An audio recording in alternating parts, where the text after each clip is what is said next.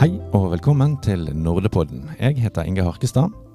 Og hvis du har fulgt med på diskusjoner rundt kunstig intelligens og maskinlæring i senere år, er det stor sjanse for at du har hørt at maskinlæringssystemer kan ende opp med å diskriminere blant andre kvinner. Dermed skulle man kanskje også tro at de som jobber med kunstig intelligens er godt kjent med disse problemstillingene, og vet hvordan de skal unngå å lage diskriminerende systemer. I hvert fall her i Norge, som jo er et av verdens beste og mest likestilte land.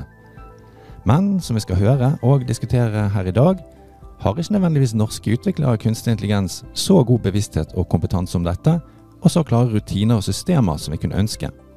Dette har nemlig du undersøkt, Katrine Bui. Velkommen. Takk, takk for at jeg får være med. Vi skal straks introdusere deg litt mer ordentlig, men kan du først hjelpe meg litt med å fullføre denne innledningen av dagens tematikk? Hva er kjernen i det du har undersøkt og funnet ut? Det jeg har funnet ut, er vel at uh, det er veldig viktig at vi gjør noe med det. Men, og det er veldig mange retningslinjer som har kommet ut. Men uh, det er uh, veldig få som bruker det, og veldig få som kan noe om det. så det skjer foruroligende lite. samtidig som det faktisk blir tatt i bruk. Så er det jo veldig mange myter som er ute og går, som påvirker hvordan folk tenker og hva folk gjør om det. Dette er spennende, dette må vi høre mer om. Men først, kan du da fortelle oss litt mer om hvem du er, og hvorfor du har undersøkt eh, da, kjønnsdiskriminering innenfor kunstig intelligens? Ja, eh, så i min forrige jobb så var jeg leder for en eh, global forskningskoalisjon. Der jeg ledet 40 forskningsinstitusjoner som drev med forskning på likestilling i teknologi. Etter hvert så fant jeg ut at Eh, de algoritmiske barrierene for eh, kvinner kan være mye verre enn eh, de sosiale barrierene. Så eksempel med, med Amazon, da, der de lagde en AI for å sortere CV-er. Eh, altså hva er vitsen med at HR vil ansette kvinner hvis algoritmene sorterer ut alle CV-ene først allikevel? Um, så da skrev jeg en masteroppgave av det. Um, og den vant jo beste vitenskapelige plakat på en av Nordea-konferansene. Um, og så har jeg startet mitt eget konsulentfirma der jeg spesialiserer i tjenester på AI og etikk. Uh, og blant mine kunder da har det vært uh, eh, DNB og Cisco uh, og andre. Tusen takk. Og for å være med og diskutere dette har vi også med oss Leonora Bergsjø fra Norde. Velkommen. Tusen takk. Og for de som ikke måtte kjenne deg, kan du si noen ord om deg selv og om Norde, og gjerne også om denne Nordepodden. Ja, jeg leder jo Norsk råd for digital etikk, og vi er et, et tverrfaglig råd som representerer mange forskjellige fag. Juss, humaniora, teknologi selvfølgelig, også samfunnsvitenskap osv og mange bransjer. Ikke bare akademia, men også privat og offentlig sektor. Og vi mener at for å få belyst de problemene som teknologien lager i vårt samfunn, så er vi nødt til å snakke sammen, tverrfaglig og tverrsektorielt. Og det er også det vi gjør i denne podkasten. Setter eh, på dagsorden noen av de problemene vi mener er viktige og kanskje underbelyst i samfunnet i dag, når det kommer til etisk forsvarlig kunstig intelligens og digitalisering. Og det er også mitt forskningsfelt. Jeg er førsteamanuensis ved Høgskolen i Østfold og Universitetet i Agder. Og nå som vi vet hvem dere to er, så vil jeg også kort nevne at jeg selv er teknolog, utdannet sivilingeniør innen data, og jeg jobber på Høgskolen Kristiania med nettstudier i teknologi, bl.a. kunstig intelligens. Jeg er også medlem av Norde, som vi vel alle er rundt bordet, og jeg er i tillegg eh, styremedlem i Tekna Big Data og har vært medlem i Tekna Etisk Råd. Så dermed vet du som hører på hvem som sitter rundt bordet i dagens podkastepisode, og vi er nå klar for å dykke litt mer ordentlig ned i dagens tema. Så jeg har lyst til å da spørre deg litt mer igjen, Katrine. Altså, Vi vet jo fra en del eksempler, som du var inne på Amazon bl.a., med diskriminerende rekrutteringssystem, eh, at kunstig intelligens, og da spesifikt maskinlæring, gjerne har vist seg å kunne diskriminere kvinner. Kan du gi noen flere eksempler, og kan du også si litt mer om hvorfor dette problemet oppstår? Mm. Så et annet eksempel er jo da Apple Card og Goldman Sachs eh, ga ut eh, et kredittkort og gjorde en automatisk eh, kredittsjekk.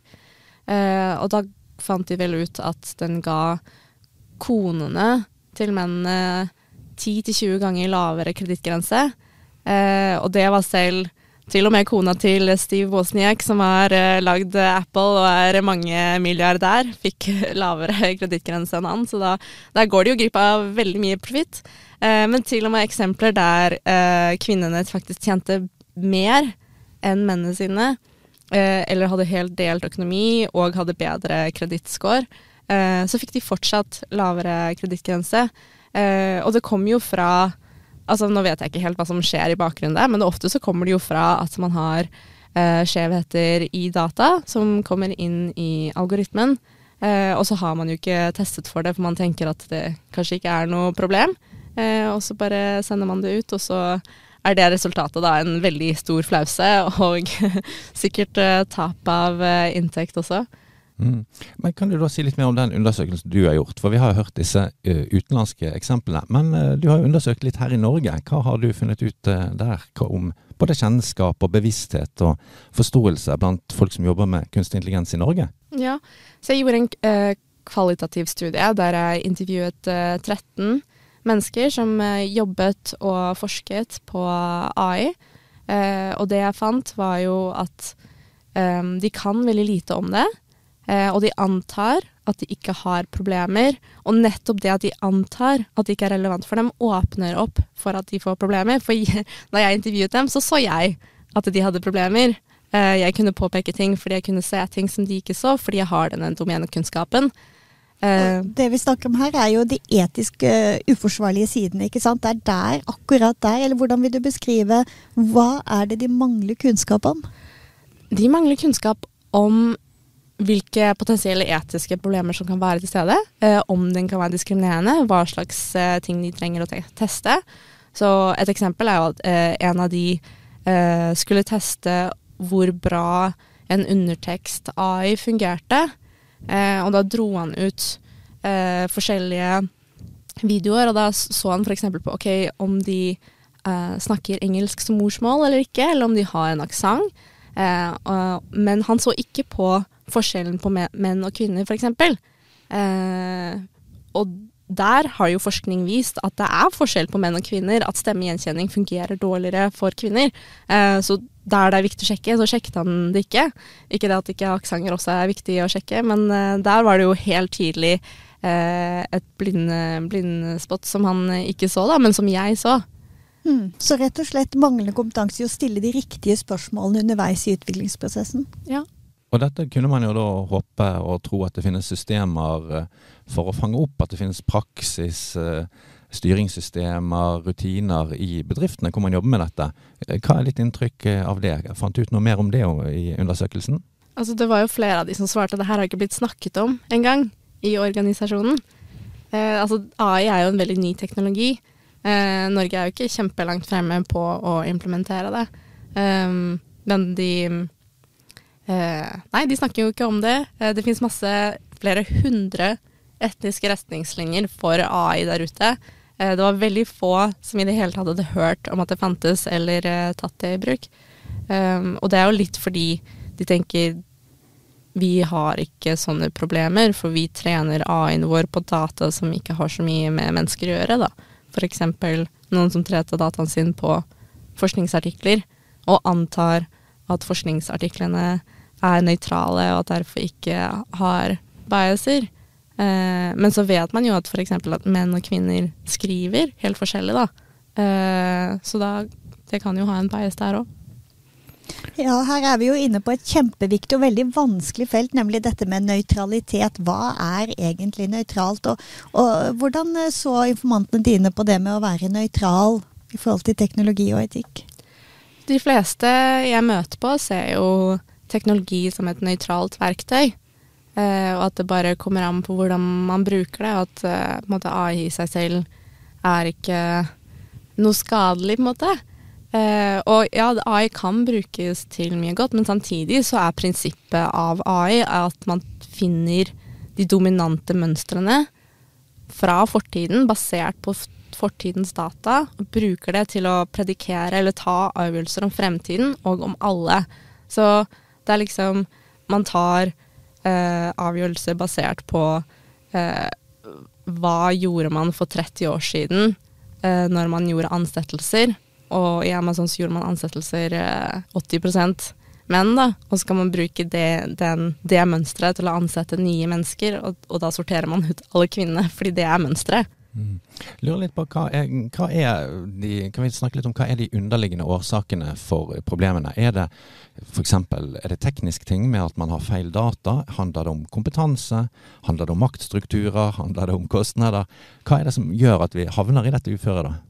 Ja, og her er det jo viktig å eh, begynne med å si hva er denne diskrimineringen, hva er bias, som vi ofte snakker om, dette, dette engelske ordet som vi ikke helt finner en god oversettelse på norsk, men som handler om at det er en skjevhet eller uønsket partiskhet. Og, og, det vi ser er at det er umulig å ikke ha noen former for utvelgelse når man jobber med AI. Og så er spørsmålet de utvelgelsene som gjøres, gjøres det bevisst eller ubevisst?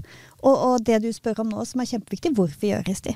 Og her ser vi jo mange forskjellige strukturer. Det kan være eh, makt, det kan være kostnader, og det kan særlig være dette som Katrine er inne på, en tro på at det fins en, en gullstandard for hva som er nøytralt eller etisk riktig for alle, hva som er rettferdig uten at man tar inn over seg alle de kulturelle og sosiale forskjellene som faktisk preger hva vi mener er f.eks. rettferdig.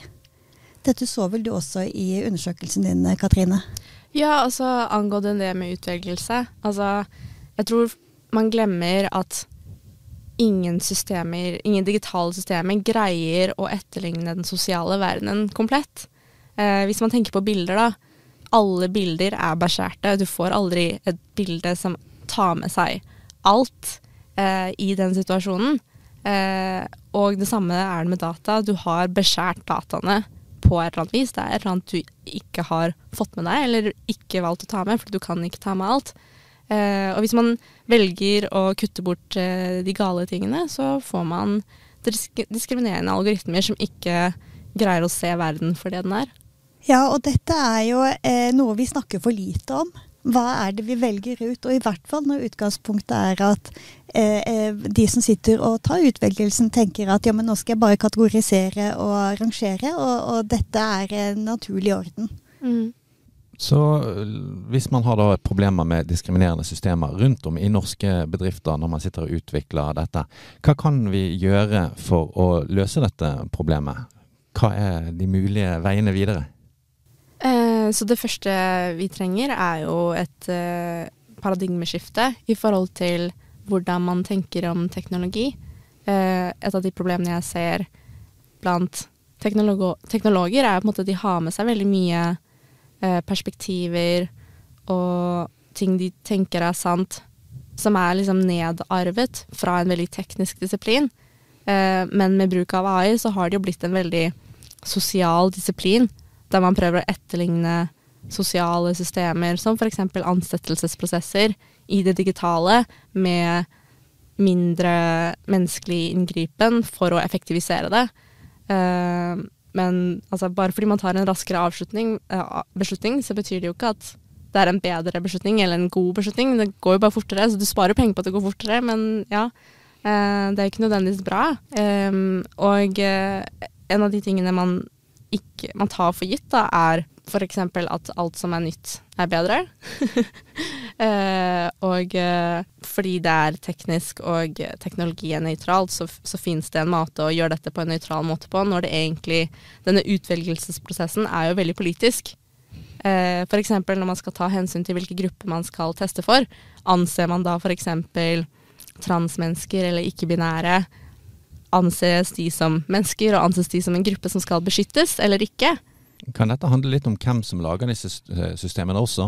Min erfaring er at det sitter mange hvite, unge menn og, og gjør dette, som kanskje ikke har de perspektivene. Er det en av eh, tingene man burde se litt på, mangfoldet iblant de som jobber med kunstig intelligens? Det jeg fant i oppgaven min, var jo faktisk at blant de jeg intervjuet, de som hadde eh, i eh, hvert fall enten var kvinner eller eh, ikke var hvite.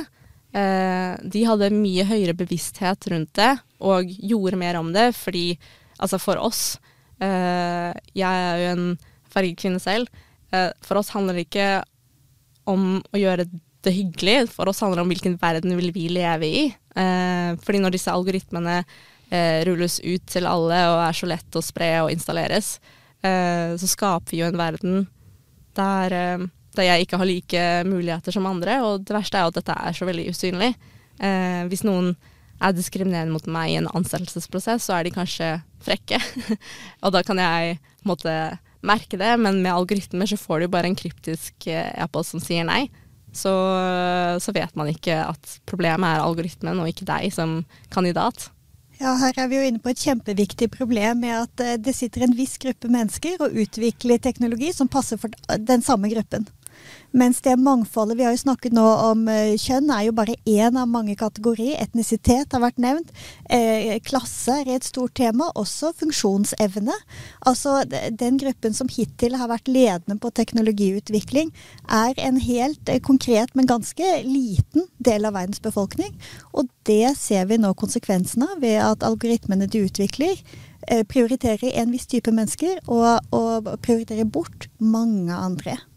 Og de som prioriteres bort, er jo ikke en enhetlig gruppe. Altså Noe av det som er interessant når vi ser eksempler på kjønnsdiskriminering, at kjønn har vært en kategori det har vært relativt lett å oppdage diskriminering mot. Det samme med etnisitet. Men det er jo så mange former for diskriminering som foregår, som er vanskeligere å avdekke i forskningen. Fordi det ikke f.eks. med mennesker med nedsatt funksjonsevne, det er ikke en enhetlig gruppe, og da er det vanskeligere å avdekke når diskriminering foregår. Så er det jo litt uh, sånn at uh, en utviklingsgruppe innenfor kunstig intelligens vil bestå av x antall personer. Uh, og ideelt sett bør den bestå av folk med større mangfold. Men hvis man mangler det, da, finnes det andre ting man burde hatt i systemene rundt da, for å sikre at også andre blir inkludert og får innflytelse gjennom brukergrupper, gjennom andre typer løsninger? Det hjelper jo så klart å ha med brukergrupper. Eh, men det er jo ressurskrevende, og noen ganger så er jo dette hemmelige ting man jobber på bak scenen som man ikke vil dele med andre. Men absolutt det å inkludere andre, og det å, som utvikler å være nysgjerrig på om dette fungerer for andre. Um, I uh, en av bøkene jeg siterer uh, i oppgaven min, så er det jo en antropolog som har forsket på folk som jobber i AI, og der har hun sett uh, en jeg tror da på en måte at en antakelse om at hvis det funker for meg, så funker det for alle. Eh, og den tror jeg eh, Det er et prinsipp som mange utviklere har med seg. Altså, hvem er det du tester det først på? Du tester det først på deg selv eh, for å se om det funker for deg. Og så antar man at hvis det funker for meg, så funker det vel for andre. Og så kanskje tester man med sidemannen, men så har sidemannen også en hvit mann, ikke sant. Eh, og det har man sett flere eksempler på, at AI-systemer kun har blitt testet på hvite menn, eller for det meste hvite menn, og da fungerer de dårligere for alle som ikke er hvite menn, f.eks. ansiktsgjenkjenning. Og Da er jeg jo inne på dette med bevissthet igjen, og økt kompetanse for utviklerne. For det handler jo ikke, og det er jo ikke alltid eh, de gruppene er så mangfoldige som man ønsker, men, men, det betyr ikke at man ikke kan øke bevisstheten og nettopp ta opp den type problemer som Katrine trekker frem. Eh, ideen om at teknologien er nøytral, nei det er den ikke. Ideen om at man sitter der og kan ha en nøytral rolle, nei, man er nødt til å ta ansvar. Mm. Og så eh, er jo dette én del av kompleksiteten. Nå har vi lagt mye vekt på utviklerne. Og de er selvfølgelig del av et større system. Katrine nevnte at virksomhetene heller ikke har lagt til rette for og, og, og tatt opp etiske retningslinjer og etisk kompetanse. Eh, politikere er en annen gruppe. Altså, eh, vi skal være forsiktige med å si at det er én spesifikk gruppe som skal bære dette ansvaret. For eh, igjen, det er store, komplekse systemer med lange historiske røtter vi snakker om når vi snakker om diskriminering. Og det, det snur ikke en uh, teknolog som sitter og skal programmere en uh, liten algoritme. Mm. Ja, og ikke for å nevne at det er jo veldig mye makt og penger som er på spill. Eh, og man ser jo at det er ikke nok med mangfold. Eh, et eksempel der er jo Google som hadde en svart kvinne som var deres forsker i AI-etikk. Eh, og da hun fant ut at noen av de tingene som Google ønsket å gjøre, var faktisk ikke bra og kom til å øke forskjellene og være diskriminerende og ha mye stereotypisk diskriminering, så ba jo Google henne om å trekke tilbake den forskningen. Og da hun ikke ville gjøre det, så sparket de henne. og da eh, lederen hennes, også en kvinne, sto opp for henne og sa det her, det, her er ikke greit, liksom. Så sparket de bare henne også. Eh, så det er jo helt tydelig at eh, det er enkelte store bedrifter som tjener utrolig mye penger på eh, dette, selv om eh, dette kan skade samfunnet, og de ønsker å ha det på den måten. Så for å komme tilbake til det som var tittelen for eh, podkastepisoden, må kunstig intelligens være kjønnsdiskriminerende? Hva kan vi si om det? Har vi noe kort eh, oppsummering på det? Altså Det må være diskriminerende på noe vis, fordi det går ikke an å ta hensyn til absolutt alle grupper eh, samtidig. Eh, men det går an å ha det mindre diskriminerende. Eh, og så kan man jo velge hvem man vil diskriminere. Altså hvis man har en ansiktsgjenkjenning, eh, kanskje det er bedre at den fungerer dårligere for hvite menn. Eh, F.eks. For fordi det er mindre farlig for dem å bli, eh, gå gjennom passkontrollen eh, og bli sjekket en gang ekstra, enn for mennesker som ikke er hvite. Ja, og eh, for å fortsette den tankerekken. Ja, det må være diskriminerende i betydningen at man må ta noen valg. Og så er det viktig at de valgene må vi ta bevisst, og ikke bare tenke at jo, men det gjør noen andre et annet sted i systemet. Veldig bra. Da får vi satse på at dette er en ikke lukket diskusjon, men bare starten på mer etisk refleksjon blant lytterne og blant andre. Det er mange typer diskriminering som er relevant eh, å diskutere, både eh, kjønnsdiskriminering og andre ting. Mye å ta fatt i. Jeg tror vi skal ta fatt i en del av dette i senere eh, episoder her i Nordepodden. For nå skal vi runde av for denne gang, så jeg vil si tusen takk til dere, Katrine og Leonora. Så vil vi også takke samarbeidspartnerne våre for episoden, som er Dataforeningen og Høgskolen Kristiania. Og ikke minst, tusen takk til deg som har hørt på. Velkommen tilbake neste gang. Ha det bra.